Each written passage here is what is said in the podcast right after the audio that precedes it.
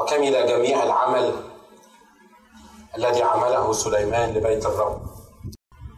حينئذ جمع سليمان شيوخ إسرائيل وكل رؤساء رؤوس الأسباط رؤساء الآباء لبني إسرائيل إلى أورشليم. لاصعاد تابوت عهد الرب من مدينة داوود هي صهيون فاجتمع إلى الملك جميع رجال إسرائيل في العيد الذي في الشهر السابع. وجاء جميع شيوخ إسرائيل وحمل اللاويون التابوت. واصعدوا التابوت وخيمة الاجتماع مع جميع آنية القدس التي في الخيمة. أصعدها الكهنة واللاويون. والملك سليمان وكل جماعة إسرائيل المجتمعين إليه أمام التابوت كانوا يذبحون غنما وبقرا ما لا يحصى ولا يعد من الكثرة وأدخل الكهنة تابوت عهد الرب إلى مكانه في محراب البيت في قدس الأقداس إلى تحت جناحي الكروبين. وكان الكروبان باسطين أجنحتهما على موضع التابوت. وظلل الكروبان التابوت وعصيه من فوق وجذبوا العصي فتراءت رؤوس العصي من التابوت أمام المحراب ولم ترى خارجا. وهي هناك إلى هذا اليوم. لم يكن في التابوت إلا اللوحان اللذان وضعهما موسى في حريب حين عاهد الرب بني إسرائيل عند خروجهم من مصر. عدد 11 بيقول وكان لما خرج الكهنة من القدس لأن جميع الكهنة الموجودين تقدسوا. لم تلاحظ الفرق. واللويون المغنون أجمعون أساف وهيمان ويدوسون وبنوهم وإخوتهم لابسين كتانا بالصلوب والرباب والعيدان واقفين شرقي المذبح ومعهم من الكهنة 120 ينفخون في الأبواق وكان لما صوت المبوقون والمغنون كواحد صوتا واحدا لتسبيح الرب وحمده ورفعوا صوتا بالأبواق والصلوب وآلات الغناء والتسبيح للرب لأنه صالح لأن إلى الأبد رحمته أن بيت الرب امتلأ سحابا ولم يستطع الكهنة أن يقفوا للخدمة بسبب السحاب لأن مجد الرب ملأ بيت الرب. العددين اللي عايزين نركز عليهم النهارده. عدد سبعة لما بيقول وأدخل الكهنة تابوت عهد الرب إلى مكانه في محراب البيت في قدس الأقداس إلى تحت جناحي الكروبين. وعدد 14 7 و14 دي سهلة مش كده؟ عدد سبعة وعدد 14 عدد 14 بيقول ولم يستطع الكهنة أن يقفوا للخدمة بسبب السحاب لأن مجد الرب ملأ بيت الله. مرات كتيرة بنسأل الرب نقول له يا رب عايزين نشوف مجدك. عايزينك تتمجد. مش دي برضه صلواتنا دايما؟ حتى لو ما كناش فاهمينها كويس يعني حتى لو ما كناش عارفين يعني إيه مجد الرب. يعني مجد الرب هيحصل إيه؟ إيه اللي ممكن يحصل؟ اللي تشوفه تقول ان هو ده مجد الرب. لكن دي مرات كتيرة بتبقى صلوات. ومجد الرب ببساطة هو حضور الرب. الواضح الملموس اللي ما تقدرش تخطئه. وحضور الرب لما بيعلن الرب في إنسان أو في مكان لازم يحصل تغيير في الإنسان ده أو المكان ده. مش ممكن يبقى زي ما هو. وحضور الرب في إنسان أو في مكان يخلي الكل الكل الكل متعلق بالرب وحده بنصلي نقول له يا رب أنا عايزك تمجد ذاتك في بيتي. عايزك تمجد ذاتك في خدمتي. عايزك تمجد ذاتك في كنيستي. كم واحد فينا بيصلي الصلاة دي؟ كم واحد فينا منتظر؟ الدنيا حر عليكم النهارده شوية؟ آه إحنا جبنا بنكات جديدة. حلوة بنكات دي دي اللغة اللي هنتكلم بيها الطلبة آه. آه. فيعني الدنيا مش عارفة. خليكم معايا أنا مش يعني مش بوعظ يعني. مش إحنا بنطلب الطلب ده من الرب؟ أنا طلبته كتير جدا. استغربت إن موسى رغم إن موسى الاختبار اللي وصل بيه مع الرب إن الرب دعاه من العليقة وإنه الرب اتكلم معاه وإن الرب أرسله لمصر وإن الرب أعطاله معجزات يعملها وأعطاله سلطان. يعني كان موسى لما بيرفع إيده ويضرب البحر كان البحر بيتقلب دم. لما كان بيزر التراب التراب بيبقى بعوض كان قائد رائع عظيم تهذب بكل حكمة المصريين. كان الكتاب بيقول إن هو بيتكلم مع الرب وجها لوجه. لكن موسى طلب من الرب طلب غريب جدا. قال له إيه؟ قال له أرني مجدك. أنت كل ده يا موسى؟ ما كنتش شفت مجد الرب؟ ما شفتش إيد الرب وهي بتشتغل؟ ما شفتش اللي عمله الرب معاك في مصر؟ شفت كل الكلام ده. بس أنا بتكلم عن حاجة تاني هي الوجود في محضر الرب. إعلان مجد الرب إعلان حضور الرب حواليا وفيا وفي المكان وفي الخدمة اللي أنا بخدم فيها. الرب في مرة من المرات قال له بص أنت بتطلع شعب إسرائيل شعب إسرائيل ده شعب صلب الرقبة. لو أنا مشيت في وسطيكم هفنيه فأنا هعمل حاجة تاني هطلعك صحيح من أرض مصر وهقودك في البرية بس أنا سأرسل ملاكي قدامك. ليه؟ قال له يا موسى لمصلحتك أنا ما بمشيش في وسطيكم. ليه؟ لأن الشعب اللي أنت مطلعه ده شعب صلب الرقبة. الشعب ده شعب عنيد شعب متعب. وموسى قال له إيه؟ قال له بماذا نمتاز أنا وشعبك عن بقية الشعوب اللي حوالينا؟ إلا بمسيرك معه إحنا هنعمل إيه بالملاك؟ مهما كان الملاك أنت هتعمل إيه بالملاك؟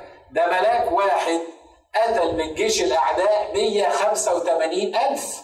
فاكرين القصة دي لما ملك أرام جه وحاصر آه، إسرائيل ملك واحد يقدر يعمل العجب. ملك واحد في مصر قدر يقتل كل الابكار اللي موجودين في أرض مصر وابكار الغنم كمان.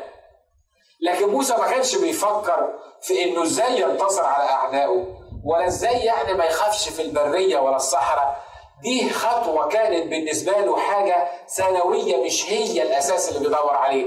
لكن الأساس اللي بيدور عليه موسى أرني مجدك حضورك وجودك معايا.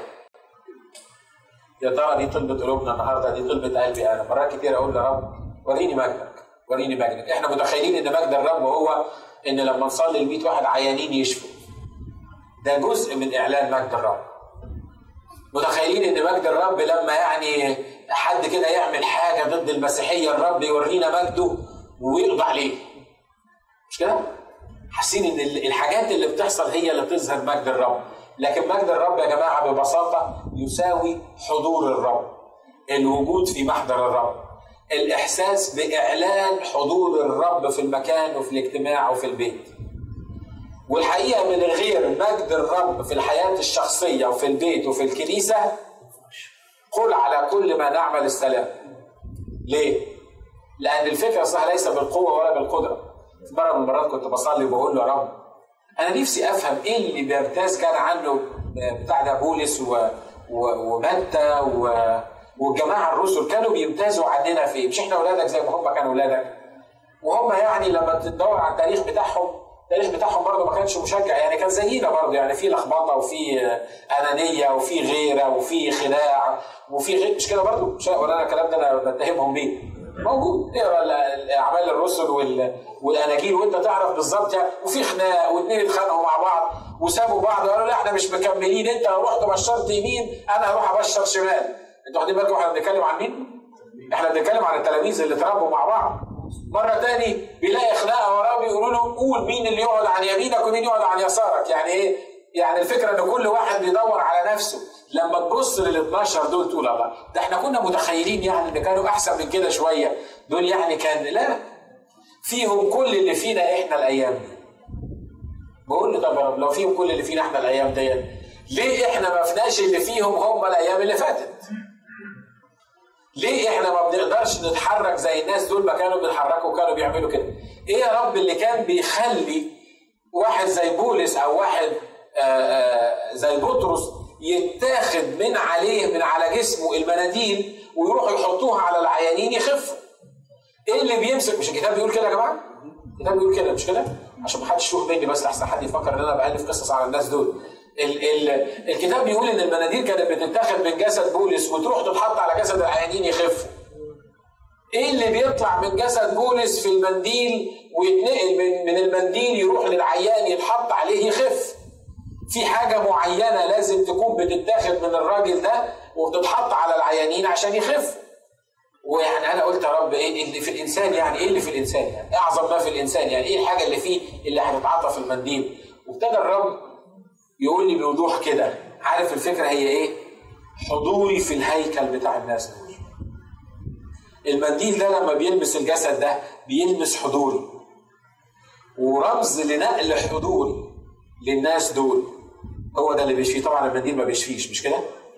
والناس دول في ذاتهم ما فيهمش بركات يعني مش بركاتهم علينا آمين ونفضل نتمسح فيهم لا الكلام ده مش مش مش مش صح مش موجود لكن الناس دول كان فيهم إيه؟ كان فيهم حضور إلهي خاص ده اللي كان بيخلي ليهم التأثير كان بيخلي الشياطين لما تشوفهم تصرخ الشياطين لو شافتهم هم بيتخانقوا مع بعض مش هتصرخ مش كده؟ الشياطين لو شافتهم وهم عايزين يشوفوا مين اللي يقعد على اليمين ومين اللي يقعد على الشمال أنا متأكد إن الشياطين كانت بتبص عليهم وكانوا بيقولوا بصوا تلاميذ المسيح اللي ماشيين وراه عاملين خناقة مين اللي يقعد على اليمين ومين اللي يقعد على الشمال لكن حضور الله وإعلان حضور الله وإعلان مجد الله في الناس دول كان بيخلي ليهم تأثير خاص في كل مكان بيكونوا موجودين فيه. وهو ده اللي إحنا محتاجينه. أمين؟ هو ده اللي إحنا محتاجينه. مش محتاجين معجزات يا جماعة. إحنا مش محتاجين وات آه، الحاجات الكبيرة اللي ممكن تحصل. كل الحاجات دي هتحصل تلقائيا من غير ما نعاني من غير ما نفكر فيها من غير ما نحاول نعملها. عارف اللي أنا أو أنتم محتاجينه إيه؟ الوجود في محضر الرب وفي حضور الرب وإظهار مجد الرب في حياتي. ولما يظهر مجد الرب في حياتي وجودي ووجودك في المكان من غير ما تتكلم يعمل تأثير ويعمل ديفرنس آمين؟ هو ده اللي إحنا محتاجينه مش كده؟ هو ده اللي إحنا محتاجينه؟ لا أنا عايز إيدين تترفع عشان أحس إنه ان الإيدين بتاعتنا. مش كده؟ هو ده اللي إحنا محتاجينه. هو ده. محتاجينه بقول يا رب معقول الرب يخلي مجده يتراءى في في, الهيكل اللي كان مبني بطوب وحجارة وخشب وذهب وما يخليش مجده يتراءى في الإنسان الإنسان اللي فداه؟ يا رب إيه اللي خلى مجدك إيه اللي يخلي مجدك ممكن يظهر في مكان زي الهيكل؟ إيه اللي يخلي مجدك ممكن يظهر في حياتي أو مش ممكن يظهر في حياتي؟ والرب قادني للاصحاح ده. وقال لي في حاجات معينة لازم تتم قبل ما مجدي يظهر فيك أو في الجماعة أو في الهيكل. خلونا نراجع الكلام ده. في عدد سبعة بيقول إيه؟ اللي إحنا كنا بنتكلم عليه. عدد سبعة بيقول وأدخل الكهنة تابوت عهد الرب إلى مكانه. مش اتحط في أي حتة وبس. ده دخلوه فين؟ يعني كان ليه مكان معين؟ وجود معين؟ ما كانش ممكن تابوت عهد الرب يتحط في الدار الخارجية مثلا؟ ما هو جوه الهيكل. ما كانش ممكن تابوت عهد الرب يتحط في قدس في القدس؟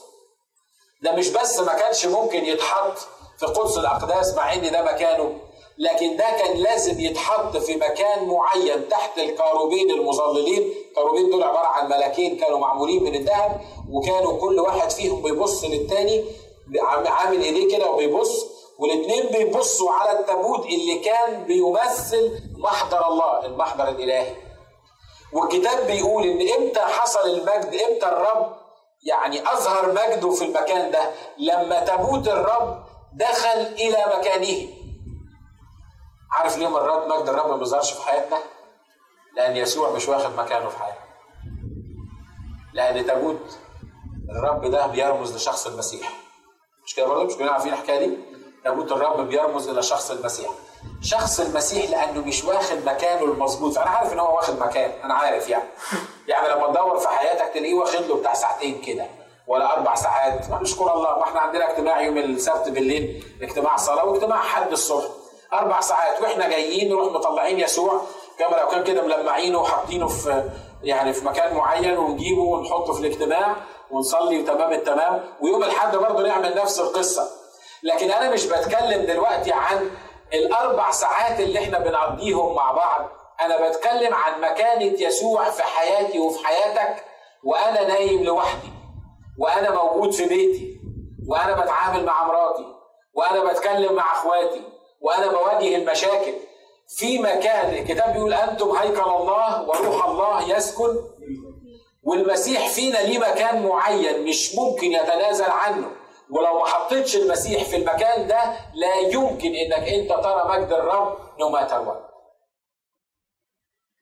لو خدت بالكم من الرسمة بتاعت القدس قدس الأقداس ده موضوع كبير قوي ممكن نبقى ندرسه مع بعض.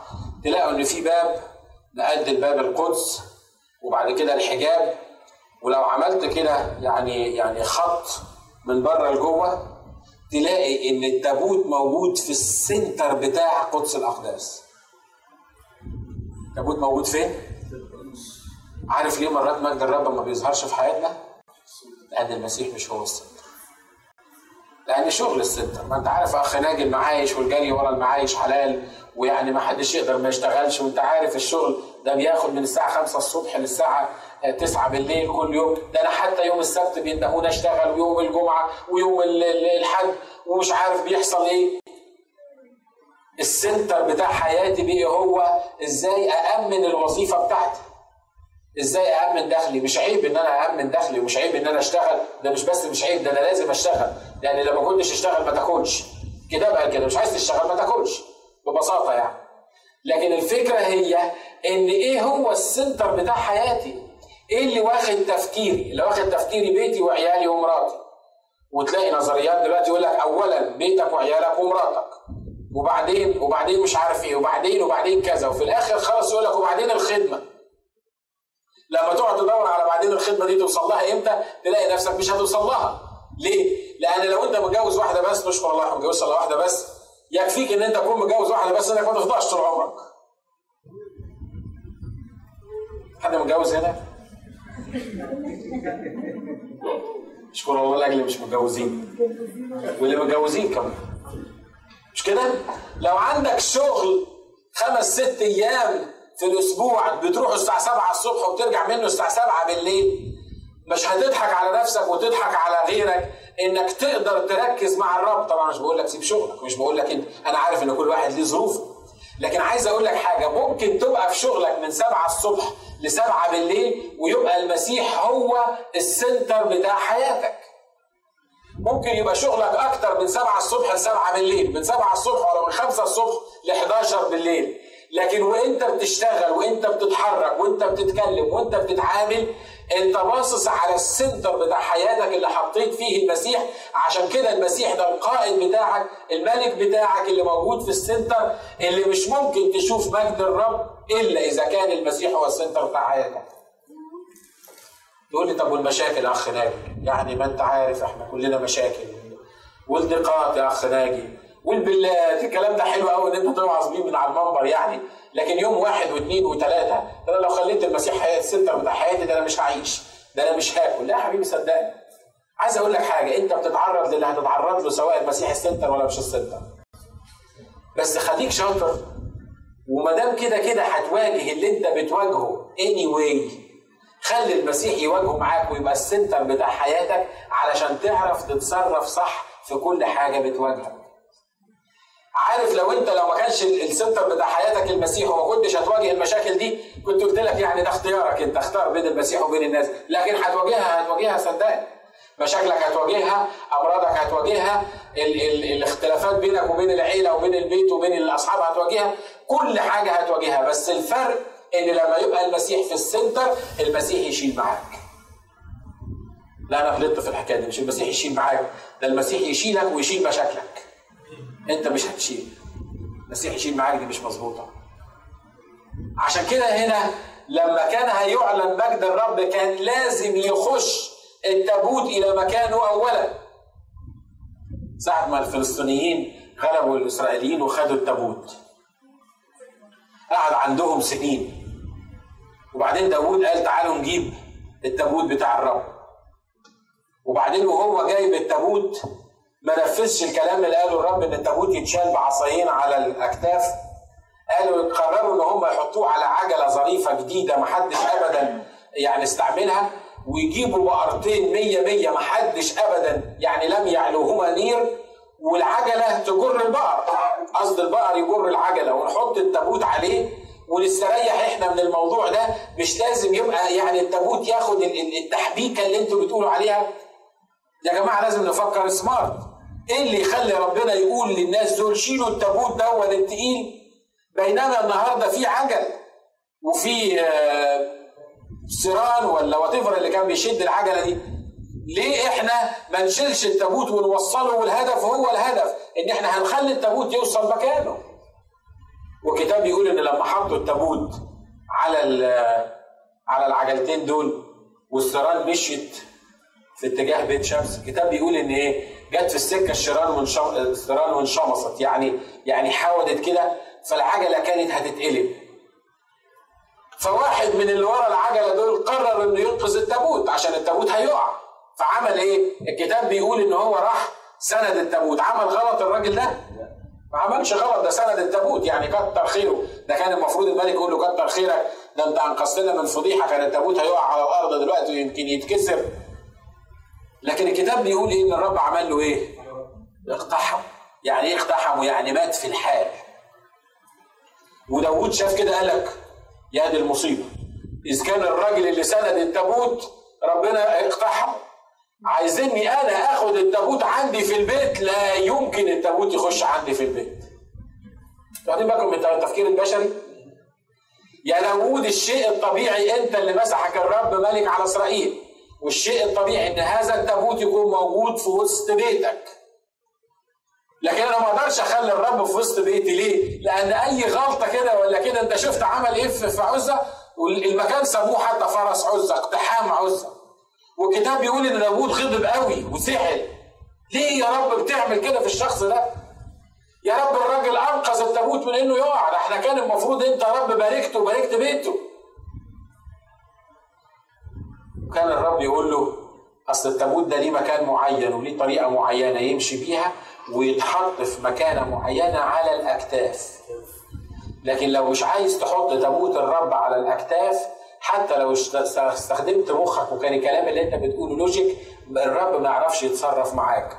الكتاب بيقول إن هم إيه؟ راحوا مالوا بيه لبيت أدوم الجدي قال لك لا إحنا بدل ما ندخله عند داوود داوود قال لك لا حطه في الباب. عارفين الكتاب بيقول يا جماعة؟ وبارك الرب بيت. الراجل ده بسبب تابوت الرب. ليه؟ لأن الراجل ده خده وحطه في مكانه وقدسه وخلى محدش شافه وعمل معاه اللي المفروض يعمل لما تبارك جه داوود قال إيه؟ سمع داوود إن بيت الراجل ده اتبارك. ما هو في ناس ما تدورش على الرب إلا في البركة. يعني ما دام الرب هيبارك نجيبه. لكن الرب هيتصرف كده ولا كده معانا ولا هيزنقنا في زنقة من الزنقات؟ لا خليك أنت روح عند عبيد تروح عند ادوم وتفر اللي أنت عايز تروح عنده خليك بعيد عني. أنا مش قدك أنا مش عايز أتعامل معاك. لما داود سمع إن إن البيت ده اتبارك بسبب التابوت قرر إنه يجيبه. بس المرة دي بقى داود فهم إنه لما يطلعه من الحتة دي ما استعملش العجلة تاني والبقر والسيران والحاجات من دي. قال آه ندور هو اللي المفروض يحصل إيه؟ المفروض الرب قال التابوت ده لما يرتحل يرتحل وهو متشال على الاكتاف فبيقول الكتاب إن هم عملوا كده وراحوا خدوه وحطوه في بيت داوود. لو يسوع مش محطوط في ال center بتاع حياتك ما تحاوليش تصلحي حياتك لو يسوع مش محطوط في ال center بتاع بيتك حتى لو حاولت إنك تصلح بيتك من كل المشاكل اللي موجودة فيه صدقني يا حبيبي ما هتقدر وفر على نفسك ليه؟ لأنه مش ممكن مجد الرب يظهر في البيت ده إلا إذا يسوع كان واخد المكانة الأولى. عايز أقول لكم حاجة مرات بنقول إن يسوع يتحط في مكانة ونرتب الأمور ترتيب الأولويات كان في محاضرة في كلية اللاهوت اسمها ترتيب الأولويات. ترتيب الأولويات يقول لك يسوع اولا وبعدين تحط كذا وكذا وكذا وكذا وكذا وترتبهم مثلا عشر حاجات اللي أنت بتعملهم بس خلي بالك تحط يسوع نمرة واحد نمرة اتنين كذا نمرة ثلاثة كذا في غلط الكلام ده؟ اللي يقول في غلط كده وريني في غلط الكلام ده؟ عارفين الصح هو إيه؟ يسوع ما يتحطش في لستة من عشرة ولا من خمستاشر لا. يسوع ده محطوط لوحده جزء لوحده وبعد كده أولوياتك رتبها زي ما أنت عايز. بس عايز أقول لك حاجة لو حطيت يسوع في ال center اولا بعد كده هتعرف ترتب أولوياتك. لو حطيت يسوع واحد من ال items من من العناصر اللي إحنا بنتعامل معاها وهي دي مشكلتنا. ليه؟ لانك لما ترتب العشر حاجات اللي عندك وتحط يسوع نمرة واحد والشغل نمرة اثنين والعيلة نمرة ثلاثة جه العيال عيلوا ولا بقيت فيهم مشكلة ولا حصلت قصة عندنا في البيت هنعمل إيه؟ تلقائيا هتلاقي نفسك سحبت نمرة ثلاثة بقيت هي نمرة واحد مش كده؟ الشغل حصل فيه كارثة قالوا لي أنت من بكرة ما تجيش فهنعمل إيه؟ نسحب الشغل بتاع نمرة اثنين نحطه مكان أصل نمره واحد ده ما هو موجود. ما هو موجود هيروح فين؟ ده ما هو ده يعني إحنا بنحركه. يبقى أنتوا واخدين بالكم من الفكرة؟ لكن الحاجة الأساسية في التعامل مع المسيح يا جماعة إنه ده بيتحط لوحده في مكانة ما يتحطش معاه حد تاني ابدا. حد يقول أمين؟ أمين. حلوة الوعظة دي؟ جدا. أنا مش بوعظ أنتوا عارفين أنا مش بوعظ. لكن ده اللي أنا بحاول أطبقه في حياتي. ده اللي أنا بحاول أعمله. في حياتي. ليه؟ لأني مش عايز أحط يسوع item من ال items لأن يا جماعة لو حطيت يسوع item من ال items صدقني حتى لو فضلت أسبوع واثنين مركز فيه بعد كده هت lose contact معاه. ليه؟ لأنك حطيته واحد من العناصر. هنا الكتاب بيقول إن هم لما أدخلوا التابوت إلى مكانه في المكان اللي قال عليه الرب بالظبط ولما تقعد تقرأ خيمه الاجتماع والتفاصيل بتاعتها الرب يقول لهم وتعمل مش عارف الطول 10 مش عارف إيه وتعمل العرض مش عارف قد إيه وتغشيه بذهب مش عارف شكله إيه. وبعد كده يخلص من سفر اللاويين يروح متكلم الكلام ده تاني في سفر التثنية ويخلص من سفر التثنية يقول لك وعمل مش عارف سليمان البيت كما أمر الرب عمل الطول والعرض. قعد ذكر التفاصيل بتاع البيت ده على الأقل ثلاث مرات في الكتاب ثلاث مرات كاملين. وبيني وبينك يعني لما تقعد تقراه تحس إن هو ممل شوية.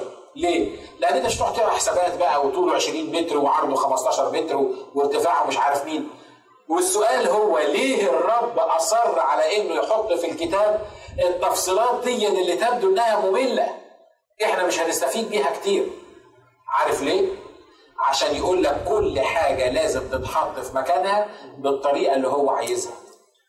يا جماعة ما ينفعش إحنا نرتب ما ينفعش نرتب حياتنا ما ينفعش إحنا نرصها. صدقوني أجدع ما فين يا ما حاولت ارص أنا في حياتي. وأحط نظبطها كده من بره كده تبان إنها جميلة تمام التمام. امشي بس أسبوع واحد. أي خبطة صغيرة فيها تلاقي نفسك اتلخبطت العملية وكله اتهد. حد جرب الحكاية دي قبل كده؟ مش كده؟ لكن حطها في ايدين الرب وقول له أنت رتبها. أنت تصرف فيها. انت وريني شكلها المفروض يبقى شكله إيه؟ تلاقي الموضوع مشي تمام التمام. هنا الكتاب بيقول إن التابوت اتحط في مكانه. حاجة تانية لازم تتحط في مكانها في حياتي وفي بيتي وفي الكنيسة. الكتاب بيقول إن التابوت ده كان فيه إيه؟ لو حي الشريعة. يعني إيه لو حي الشريعة؟ يعني الكتاب. يعني الكتاب. كان محطوط جوه التابوت وكان محطوط في مكانه. عارفين ليه مجد الرب ما بيظهرش في حياتنا؟ لأن الكتاب المقدس مش موضوع في مكانه. أنا عارف إن في ناس عندنا في مصر كانوا بيحطوا كتاب مقدس على التلفزيون عشان ما يتحسدش.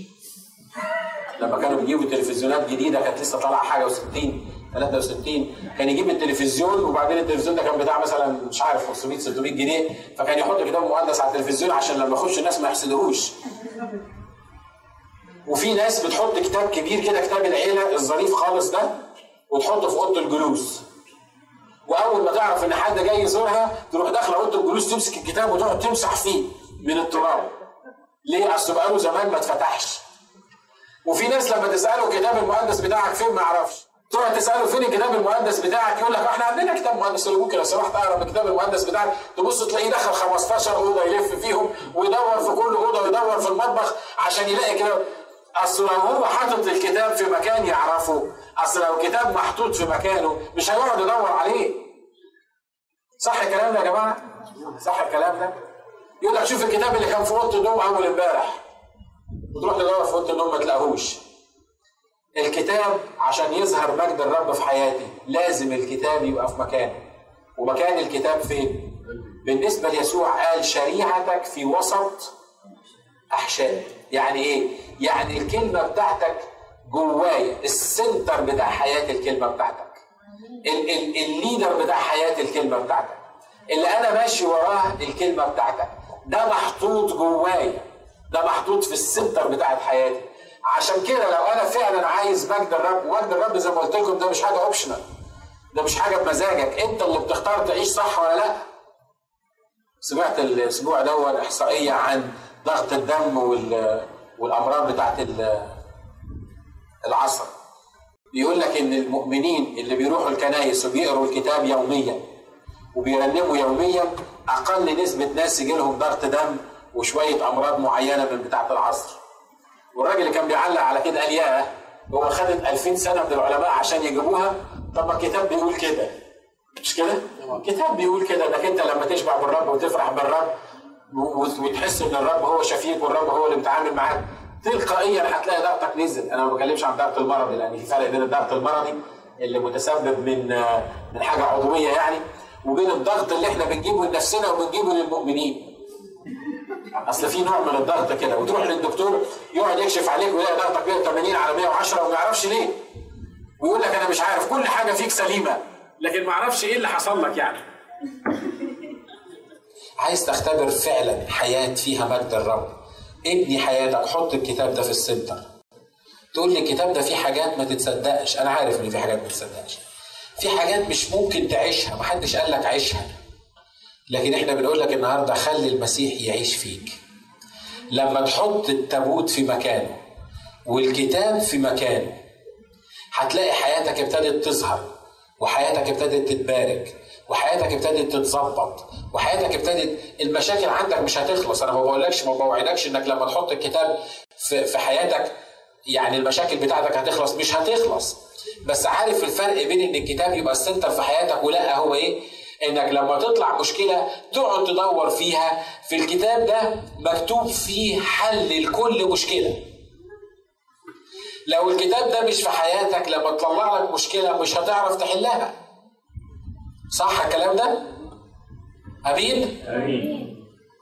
عشان كده الكتاب ده برضه مش حاجة اختيارية يتحط في مكانه ولا لو عايز حياتي تعيش صح يبقى لازم حياتي تعيش صح. الكتاب ده مثلا بيقول إن لما أستير اتعرضت للمشكلة الكبيرة بتاعتها إن شعبها هيباد وطبعا هي هتتعرف والتانية ممكن تباد بسهولة. مين يقدر يكسر أمر الملك إن شعب اليهود يباد مين يقدر يقف قدام الملك ويقول له لأ؟ في منتهى البساطة بعتت لعمها قالت له صوم. يعني إيه؟ لما صوم المشكلة هتتحل؟ يعني لما اصلي المشكلة هتتحل؟ قالت له لازم يحصل كده هنصوم ونصلي ثلاث أيام. طب وانت إيه اللي هيحصل؟ أنا هخش للملك ولو هلكت هلكت.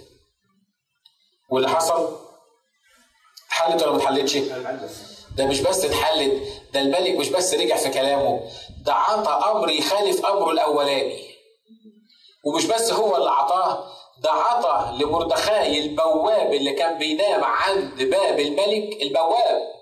عطاله الختم بتاعه عشان هو اللي يكتب الأمر وهو اللي يمضيه. تقول لي الصلاة ممكن يعمل كده؟ والصوم ممكن يعمل كده؟ في الكتاب. أنا ما جبتش الكلام ده عنه. طب النهارده لو اعترضتني مشكلة ملهاش حل. أحلها إزاي؟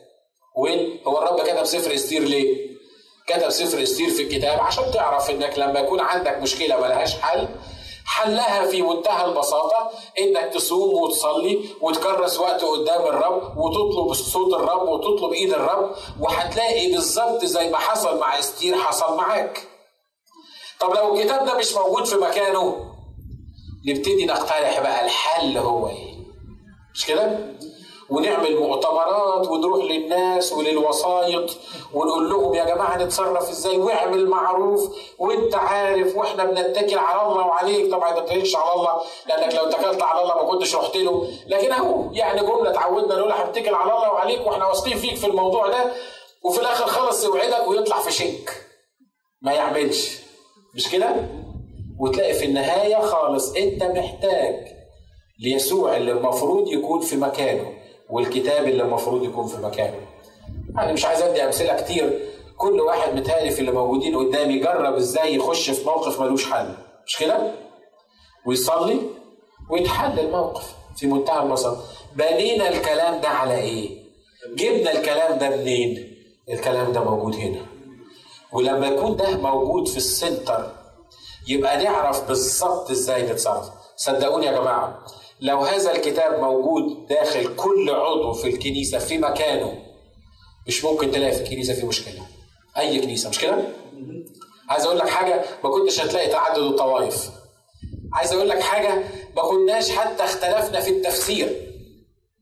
ليه؟ أصل ده لما يكون موجود في مكانه بالطريقة الصح يهدي بالطريقة الصح ويرشد بالطريقة الصح ويعلم بالطريقة الصح. مش هتقدر تحل مشاكلك إلا إذا كان الكتاب موجود في مكانه مش هتقدر تسيطر على بيتك إلا إذا كان الكتاب موجود في مكانه في بيتك. مش هتقدر تسيطر على أي حاجة بتعترضك إلا إذا كان الكتاب ده موجود وموجود كحاجة حية متحركة في حياتك. تقول لي بس ده صعب قوي الكتاب ده. يعني الحاجات اللي بيقولها والأمثلة اللي بيديها مرات بتبقى صعبة يعني. يعني يعني يعني مثلا لما تعترضني مشكلة ممكن ربنا يسمح إن أنا أترمي في أتون النار؟ وفقا للكتاب ده؟ آه. مش كده؟ تقول لي طب ما خلاص بقى ما دام كده كده هنترمي في أتون النار. يبقى إيه لازمته؟ ما إحنا ندور على حل تاني للموضوع. ممكن لو أنا اتبعت الكتاب ده بالظبط أترمي في جنب الأسود؟ ممكن؟ وفقا للكتاب ده آه.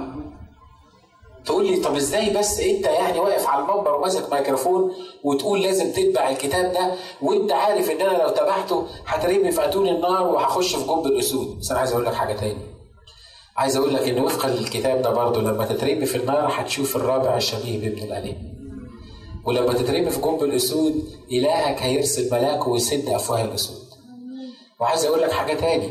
بالكتاب من غير الكتاب هتترمي في النار وفي جنب الاسود لكن لو من غير الكتاب ومن غير حضور الله في حياتك لما تترمي في النار مش هتلاقي غير النار اللي تاكلك. ولما تترمي في جنب الاسود هتلاقي الأسود التهمتك.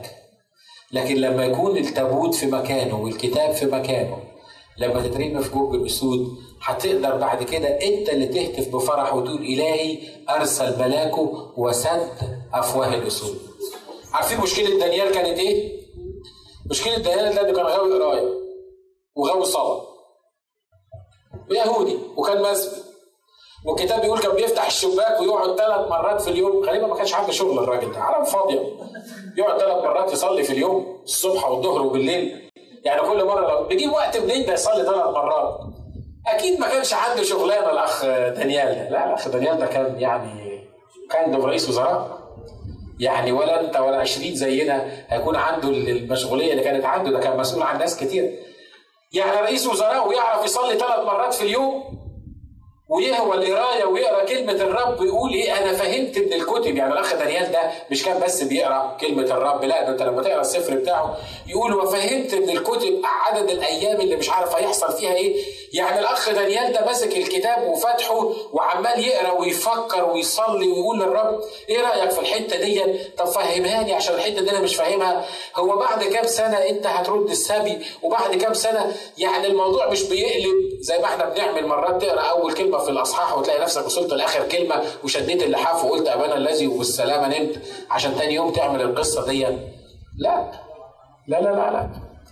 ده كان غاوي قراية. كان غاوي قراية الكتاب. الكتاب كان بالنسبة له جزء أساسي من حياته. الوجود في محضر الله كان جزء لا يتجزأ من في ال center بتاع حياته. لدرجة إن كان كل اللي مطلوب منه إنه شهر واحد بس يبعد عن الكتاب. مش على طول. مش يعني for شهر واحد 30 يوم بس يبعد عن الكتاب ويبعد عن الصلاة. ولما تقعد تحسب يقول لك يا أخي 30 يوم انت ما قريتش كتاب بقالك كام يوم؟ بقالك كام شهر ما فتحتش الكتاب ولا قريت حتى في صفحة. يعني خلاص جت على على الشهر ده. يا عم خليها في سرك واقرأ في سرك وصلي في سرك. انت لازم يعني تعمل يعني متدين قوي وتفتح الشباك وتقرأ في الشباك. يا عم رابح النفوس حكيم زي ما كنا بنقول امبارح. ما هو هيقطعوا رقبتك.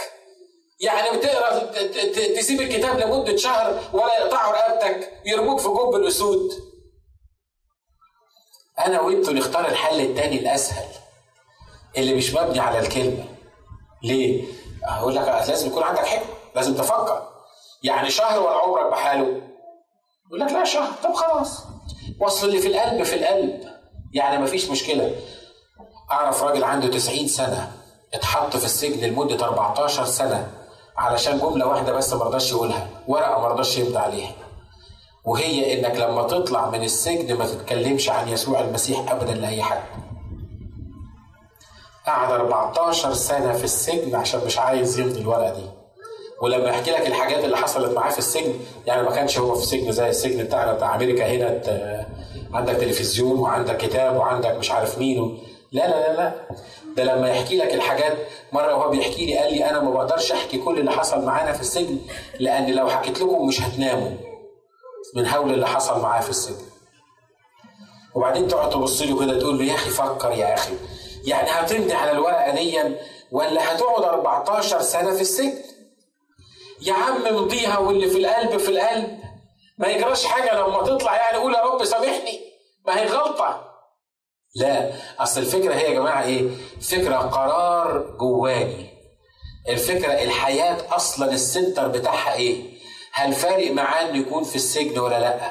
كل اللي فارق معاه كل اللي هو عايزه إنه يكون في السنتر في محضر الرب وتفر السجن أو بره السجن. والأخ دانيال يقرر إن هو أنا هفتح الشباك زي ما كنت ثلاث مرات كل يوم وهقرأ الكتاب زي ما كنت كل يوم. وهصلي بصوت عالي زي ما كنت كل يوم. تقول له ده إبليس عايزك تعمل كده عشان يموتك. يقول لك ماليش دعوة أنت بيا. وكلكم عارفين القصة مش كده؟ كلكم عارفين القصة. إن في الآخر خلاص قالوا له الراجل ده بيطلب من حد تاني غيرك. وأنت قلت إن لو حد طلب من حد تاني غيرك هترميه في جب الأسود. ارميه في جب الأسود. الملك مش قادر يغير كلامه. طب ده دي شريعه مادي وفارس وأنا ختمت عليها وما ينفعش ان يرجع تاني. الكتاب بيقول إن الملك حاول ينقذ دانيال. الملك قلبه عليه بس مش قادر يغير كلامه. أصله ملك.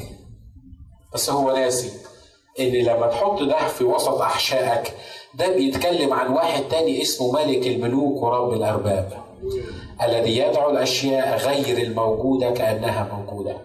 وما يقفش قدامه ملك.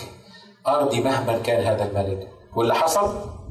ترمى في جب الاسود ترمى في جب الاسود الكتاب بيقول إن الملك راح لجب الاسود بيقول ونادى الملك بصوت أسيف. يعني إيه؟ يعني الملك زعلان حزنان. نام طول الليل حاول ينام طول الليل والنوم طار من عينيه. إيه؟ النوم طار من عينيك ليه؟ ده أنت ملك ودانيال ده حتة واحد ما يروح أنت عندك مئة ألف واحد في السبي so what يعني إن واحد زي دانيال دون اترمى في جب الاسود لكن أصل ملك الملوك ورب الأرباب لما يحب يظبط الأمور يخلي اللي موجود في في جب الاسود ينام على رأي واحد قسيس كده بيقول لك يمكن دانيال مسك أسد صغير مثلا وعمله مخدة.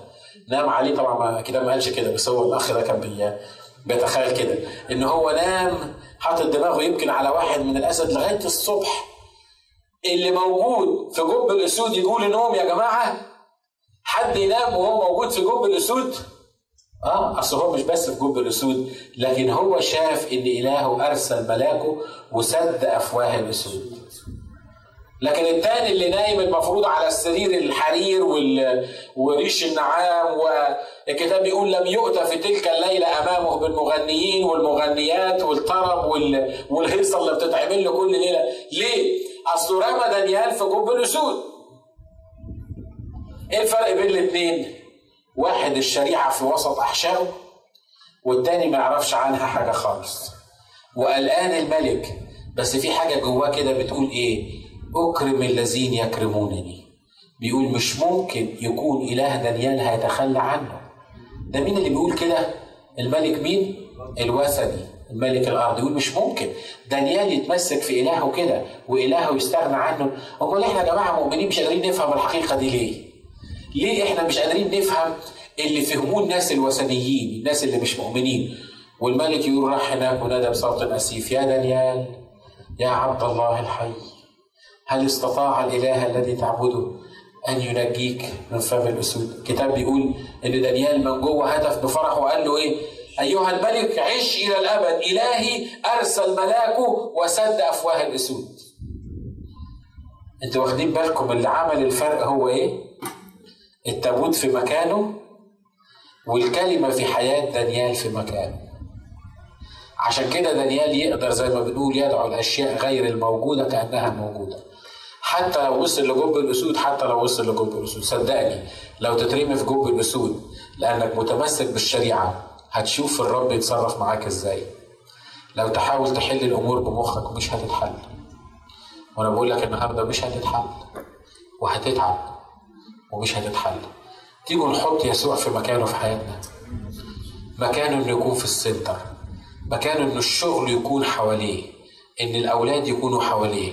ان مراتي أو جوزي أو whatever يكون هو ال center وكل الحاجات دي موجودة حواليه عشان هو اللي يتصرف فيها. والشريعة تكون في وسط أحشائي. الشريعة يكون هو اللي أنا ببني عليها حياتي. لو عملت كده هتشوف مجد الرب وهتشوف إزاي مجد الرب يملى حياتك. وكل اللي يشوفك يسألك عن سبب الرجاء الذي فيك. خلينا نحن ونصلي مع بعض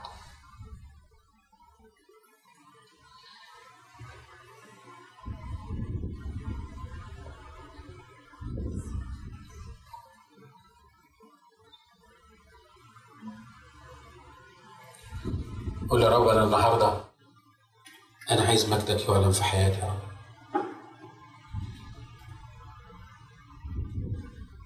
أنت ليك المجد وحدك ليك السجود ليك العظمه حياة يا رب من غيرك. فراغ فراغ سراب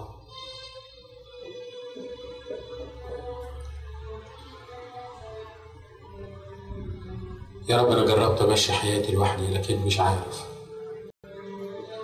لكن أنا النهارده عايز أرجعك لمكانك في السنتر بتاع حياتي. أنت الطريق والحق والحياة. أنا بدونك لا أستطيع أن أفعل شيء.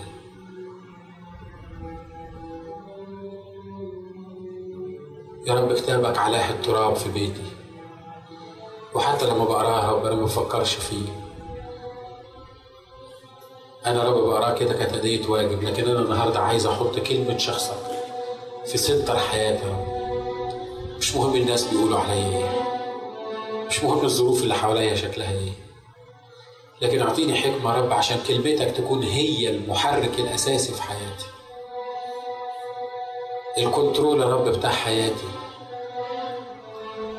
ال base يا رب اللي ببني عليه كل المبنى. وكان في حاجة يا رب أنا مش فاهمها أو حاسس إنها مستحيلة التنفيذ والتطبيق. والكلمة في التابوت وأنت يا رب في center حياتي أنت هتفهمني وأنت هتقودني وأنت هتعلن فيا مجدك يا رب وأتقدم من مجد إلى مجد زي ما بيقول الكلمة يا رب. من مجد إلى مجد مكتوب ومجدك عليها يرى. إحنا محتاجين مجدك يا رب محتاجين حضورك في وسطنا.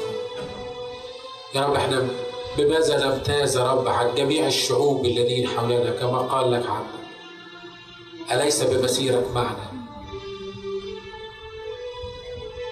إحنا النهارده مش هنرضى بأقل من حضورك يا رب. إحنا مش هنرضى بأقل من حضورك يا رب. إحنا مش هنرضى بأقل من حضورك. يا رب العالم عمال يشد فينا يمين وشمال والمشاكل يا رب عمالة تطوح فينا وغرور الغنى وتعظم المعيشة والشر يا رب اللي بيحيط بينا بسهولة عمال يسحق فينا وإحنا رب تايهين لكن النهارده إحنا عايزين نرجع التابوت مكانه عايزين نرجع حضورك في حياتنا في مكانه عايزين نرجع يسوع في السنتر عايزين نرجع يسوع في المركز بتاع الحياة. وكل الحياة تلف حواليك انت. مبارك اسمك. أشكرك لانك لأنك انت عايز تعمل كده في النفوس. أشكرك لأنك انت اللي واقف على الباب وتقرع رغم إنك ملك الملوك ورب الأرباب ومن حقك تفتح أي باب وتخش فيه لأنك انت اللي عملته. لكن انت واقف يا رب وبتخبط. وبتقول إن فتح لي أحد. ساعدني عشان أفتح قلبي ليك النهاردة. قول له ساعدني يا رب عشان أفتح قلبي على مصراعيه وكل اللي أنا مخبيه جوه من ضلمة وعدم أمانة كل اللي في قلبي يا رب يطلع في محضرك وفي نورك. وإنت تسير دفة حياتي. يا رب السفينة اللي عمالة تتخبط بالمياه. النهارده أنا بنقذك يا رب وبقول لك يا رب من فضلك خد مكانك في السفينة دي